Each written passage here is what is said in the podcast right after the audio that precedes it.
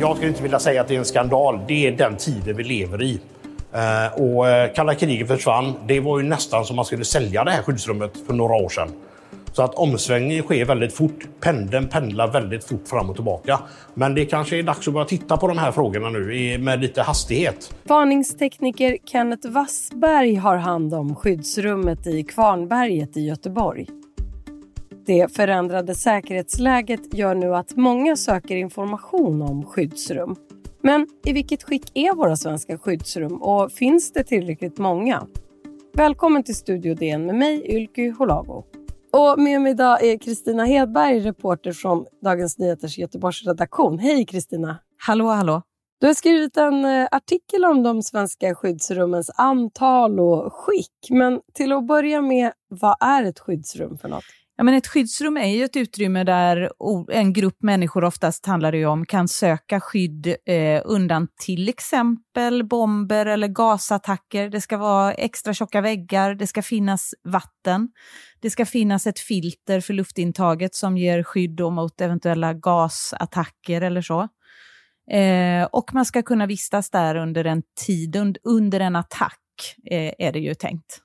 I januari och februari här i år så hade MSBs skyddsrumskarta 331 000 besök och det är en ökning med nästan 4 000 procent jämfört med samma period förra året. Alltså, svenskar har en, ett större intresse för att ta reda på den här informationen.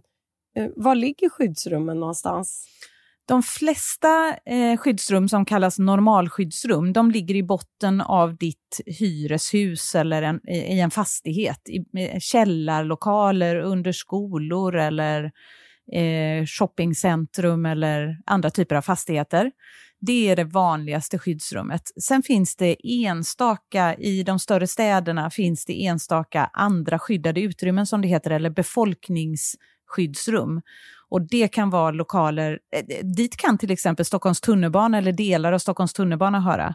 Eh, Södergaraget tror jag också. I Göteborg finns det ett stort garage som heter Kungsgaraget som också är ett befolkningsskyddsrum. Kan göras om till det då och stängas till. Och eh, det skyddsrummet som jag besökte och som vi hörde Kenneth här som jobbar i eh, Kvarnberget, det är också ett sånt befolkningsskyddsrum. Det byggdes på 60-talet för att ta emot 5 000 människor. Och idag räknar man med 2 500. Man tycker inte längre att vi ska klara oss med en halv kvadratmeter per person som man gjorde då. Men eh, det är ändå stora, stora mängder eh, människor. De vanliga normalskyddsrummen kanske tar ja, max ett hundratal. Och hur ser tillgången till skyddsrum ut i Sverige just nu? Hur många skyddsrum finns det? Alltså MSB säger att det finns utrymmen för ungefär 7 miljoner människor. Eh, vi är ju 10,5 eh, miljoner invånare i Sverige idag. Mm, sen kan man ju för sig tänka sig att alla kanske inte söker skydd i skyddsrum. En del är trots allt ovan jord även under ett pågående krig. Eh, en del människor kanske har flytt och så vidare. Men det beräknas ju finnas ett eh, behov av nya skyddsrum eh, om man ska ha ett fullgott skydd för hela befolkningen av olika anledningar. Och dessutom Eh, så mm, är de här sju miljonerna platserna inte helt i ordning. Så man kan inte använda dem idag, om det smäller nu. Du har alltså besökt eh, Kvarnbergets folkskyddsrum i Göteborg i arbetet med den här artikeln om skyddsrum i Sverige. Vi ska höra ett eh, klipp från ditt besök. Men här har vi då Kvarnbergets skyddsrum. En av inrymningsvägarna i anläggningen. Som är då gjort för att kunna skydda ungefär 2 500 personer. Och det, man behöver inte vara göteborgare för att hamna här, utan man kan bara vara här. Ja, det var varningstekniker Kenneth Wassberg vi hörde igen här och han sa det här under ditt besök i skyddsrummet där han alltså har hand om underhållet i fredstid. Kristina, vad, vad möttes du av under det här besöket? Hur skulle du säga att eh, skyddsrummet mådde? Nej men det mår ju ganska bra just det här skyddsrummet därför att Kenneth och hans kollega Hans är där regelbundet och ser till att det inte har blivit en översvämning eller flyttat in eh, skadedjur eller eh, de byter glödlampor och så vidare. Sen är det ju vad du kan, som du kan föreställa dig, ett ganska kalt utrymme. Det är ljusmålat och, och luften är förvånansvärt frisk och det känns ganska Eh, det var inte klaustrofobiskt alls att gå ner där tyckte jag. Eh, så att, eh, men sen är det ju helt oinrätt. Det finns ju en mängd saker som är tänkta att vara på plats om man ska ta det här skyddsrummet i bruk. Det ska finnas sängar, det ska finnas eh, eh tvättrännor uppsatta, det ska finnas bajamajor och så vidare. Inget av det där finns ju där nu. Eh, mm, det är en av de saker som, som eh, Kenneth och de andra är lite oroade för. Och hur snabbt ska det kunna åtgärdas eh, i en krissituation för att eh, skyddsrummet ska vara, eh, kunna tas i bruk? Ja, alltså enligt lag så ska alla skyddsrum kunna tas i bruk inom 48 timmar från att någon då har sagt nu är det krig eller nu råder beredskapsläge eller så. Eh, så 48 timmar är det som alla, även eh, fastighetsägare, om det är en bostadsrättsförening med ett skyddsrum i bottenvåningen, så ska de som ansvarar för det, alltså fastighetsägaren, kunna ha det redo inom 48 timmar. Och det är viktigt, precis som Kenneth sa, att man behöver inte vara göteborgare för att gå in här. Man behöver inte heller bo i det hus som har ett skyddsrum för att komma in där, utan vem som helst kan söka sig till vilket skyddsrum som helst och söka skydd. Men på 48 timmar är ju inte det här skyddsrummet i ordning. Så är det alltså nu det stora Kvarnberget som jag besökte, det finns ingen möjlighet att det kan vara det.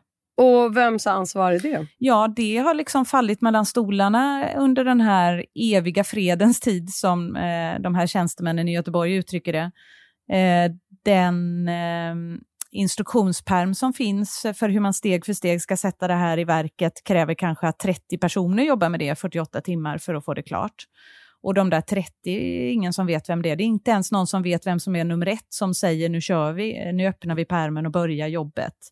Så eh, väldigt få svenska kommuner idag har en krigsorganisation som det heter. Det håller på att tas fram. MSB har skickat ut det som uppdrag till alla kommuner att varsågoda, ta nu fram en struktur för hur ni tänker er att er kommun skulle kunna organiseras i händelse av krig. Eh, jag vet att i Göteborg kommer det ett tjänstemannaförslag på det under maj eller så. Sen ska ju det beredas och allt sånt där. Men det är ju det är precis som, eh, som man kan föreställa sig själv att eh, fram tills för två veckor sedan eller tio dagar eller en vecka eller när det nu var vi alla förstod att det kunde hända i Ukraina. Fram till dess så var det väl ingen som tänkte tanken, eh, ens funderade över hur det ser ut i de svenska skyddsrummen. Så att eh, Därav eh, de här luckorna då i systemet. Kenneth Wassberg nämnde här också försäljningar av eh, skyddsrum. Vad handlar eh, den frågan om? Eh, det är jag faktiskt inte helt säker på. I Göteborg har det då varit en diskussion om man kunde sälja det här som garage eller annan, användas till någonting annat. Men eh, jag vet inte hur vanligt det är att man har gjort det på andra håll. Jag vet ju att det är otroligt vanligt att de normalskyddsrummen används till cykelförråd, hobbylokaler, eh, lägenhetsförråd och så vidare. Och det är också då sån som kallas lösa inventarier som ska kunna tas bort på 48 timmar. Och det är säkert görligt att lyfta upp cyklar och, och tömma förråd, men någon ska bestämma att nu gör vi det. Och du har redan varit inne på det här, men vem är det som har det yttersta ansvaret för att skyddsrummen är redo att ta emot människor om de skulle behöva tas i bruk? Ja, men det är fastighetsägaren. Där skyddsrummet ligger, den fastighetsägaren har det ansvaret. Eh, jag har ställt frågor faktiskt om, jag tänker att när det byggdes upp det här systemet på framförallt 40-50-talet, då föreställer jag mig att eh, gårdar i innerstan var ganska öppna, att man sprang och kunde gå in i en port lite hur som helst. Idag är det ju brickor och kodsystem och sånt där. Eh, men det kom, det, enligt lagen åligger det då fastighetsägarna att hålla det öppet så att alla, vem som helst, kan söka skydd som behöver det. Eh, men det är säkert många sådana där saker som har hänt i vårt samhälle sen vi senast eh, var oroade över att bli angripna, som nu behöver ses över. Kristina, du nämnde ju här, eh, om jag minns rätt, bajamajor, tvättrännor. Sängar också vet jag att du nämner ska skruvas ihop för att ett skyddsrum ska kunna användas i skarpt läge. Berätta mer om hur det är tänkt att fungera i ett skyddsrum när det väl används. Vad, vad finns? Vad saknas? Eh, om man jämför med liksom vad man är van vid att ha runt omkring sig i sin vardag? Nej, det är väldigt olika också på de här, alltså det här med sängar och bajamajor och så är ju det här stora skyddsrummet med tusentals människor som ska fungera som ett litet minisamhälle då under mm, några dygn eller sådär. Eh, det, den utrustningen kräver man inte av de vanliga källarskyddsrummen i, i hyreshusen. Men däremot ska det finnas vatten Eh, det ska finnas eh, ja, möjlighet till någon slags latrin och det ska finnas det här sandfiltret som håller gas ute. Eh, ingenstans finns det krav på att, man ska, att det ska finnas mat. Eh, det ska man ta med sig själv om man går ner i ett skyddsrum. Eh, så det, det ska man. Och det, egentligen är det så att man får skydd i skyddsrummet. Allt annat finns inte. Det finns inte internet. Det, och man får inte ha med sig husdjur till exempel, eh, på grund av allergier och så. Det enda undantaget är ledarhund som får tas med i ett skyddsrum, men eh, du kan inte rädda katten eh, eller hunden eller kaninen. Ja, intressant, för det är ju, en, det är ju någonting som jag tror väcker mycket uppmärksamhet nu bilder från, på bilder från uh, Ukraina där många verkar ha med sig husdjur i skyddsrum. I alla fall bilder jag har sett. Men det är alltså inte möjligt i Sverige? Nej, det är det inte. Sen ett år tillbaka så finns det en särskild utredare, Britt Bolin, som är tillsatt av regeringen för att se över civilbefolkningens skydd. Och hon ska lämna in en slutrapport i november och det handlar ju då om eh, skyddsrum och antal och så. Vad är hennes bild av läget eh, just nu? Vad kan man tänka sig att hon kommer föreslå i sin rapport? Ja, alltså hon säger, uttrycker det som att ah, vi har ett arvet från 40-talet är gott i Sverige. Vi har en väldigt väl utbyggd struktur av liksom eh, rena lokaler. Sen tycker hon att underhållet är jätteeftersatt och eh, vem vet hur de funkar. Det kan ju hända att ett eh, skyddsrum är byggt i ett hus som efter dess har blivit påbyggt med tyngre strukturer eller det har byggts en skyskrapa precis bredvid. Så det är inte säkert att förhållandena är så som det var tänkt en gång när skyddsrummet byggdes. Eh, så det finns mycket liksom att inventera och underhålla och, och, se till med de här existerande skyddsrummen. Hon tycker också att totalt sett finns det för få. Hon pratar om att vi kanske behöver ha två skyddsrum var. Ett på jobbet, ett hemma, ett när vi går i skolan, ett vid vår bostad. Det är inte säkert att alla befinner sig precis där man har beräknat att de ska vara om det händer någonting. Eh, och strategiska platser i Sverige kanske är andra idag än vad de var på 40 och 50-talet. Det byggs fabriker på nya ställen som kan vara strategiskt intressanta för en eh, eventuell en anfallare. Vi har broar som inte fanns som kanske kan anfallas. Så det finns mycket att se över tycker hon. Jag frågade henne, till slut tyckte jag det lät som att eh, hon ville dubbla antalet skyddsrum och då sa hon att ja, i vissa delar av landet. Så det kan alltså behöva byggas väldigt många nya skyddsrum. Det tänker hon föreslå. Det andra hon tänker föreslå är en organisation för att ta hand om och driva skyddsrummen. Eh, förr i tiden fanns det människor i alla städer som visste att jag kommer att stå i det hörnet och peka åt det hållet om det händer något, så att folk vet vart de ska gå och söka skydd. Den organisationen är, är nedmonterad och borta. Men det vill hon återupprätta och det ska, hon ser det som en slags styrka eller organisation jämfört med värnplikt, att det är en pliktorganisation.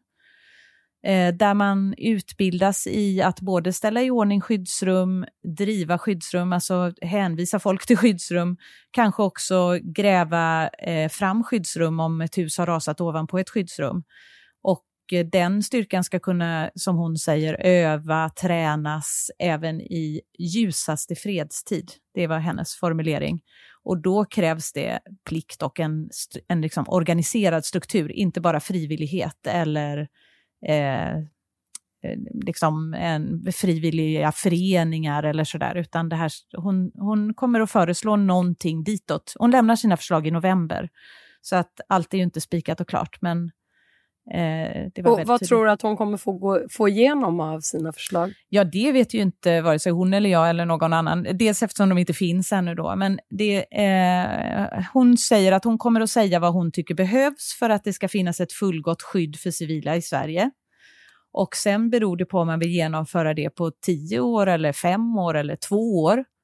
Eh, hur mycket resurser man måste satsa på det där. Men hon kommer liksom att sätta upp ett, en ram för att så här ser ett fullgott skydd ut och så här kommer vi dit. Och sen är frågan hur snabbt vi ska springa åt det hållet då.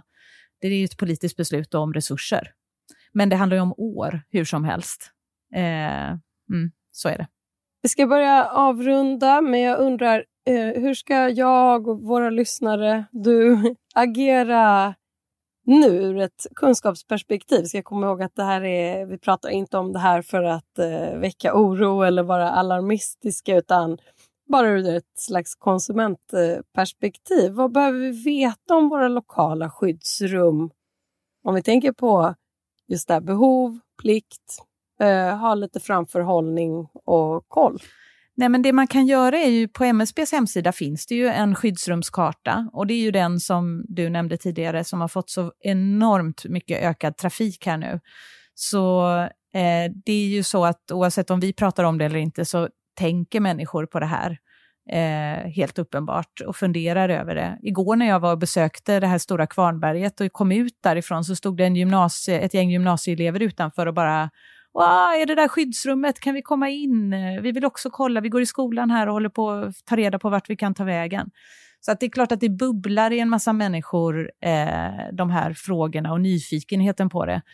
Men precis som att eh, men vi nu uppmanas sen, då, sen en tid tillbaka att tänka över om vi har en batteriradio, eh, om vi har mat och vatten för att klara oss vid en kris vilken som. Det behöver ju inte vara Eh, ett, eh, ett fientligt anfall av en militärmakt eller så. Så kan man ju också informera sig. Eh, hur ser det ut eh, runt mig och, och eh, om man är en fastighetsägare, vilket ju vi kan vara utan att liksom eh, eh, vara en magnat på något sätt. Vi kan ju vara med i en bostadsrättsförening eller så, eller bo i ett hyreshus, så kan man ju också kolla upp bara så att det där eh, utrymmet är tillgängligt och att eh, någon vet hur det ska fungera. Sen måste ju inte alla veta det, men eh, ja, det är väl ungefär eh, eh, den nivån man kan tänka sig just nu att vi, vi ligger på. Tack så mycket Kristina Hedberg, reporter på Dagens Nyheters Göteborgs redaktion. Tack så mycket. Studio DN görs för Podplay av producent Sabina Marmelakai, ljudtekniker Patrik Misenberger, teknik Oliver Bergman på Bauer Media och jag heter Ylke Holago.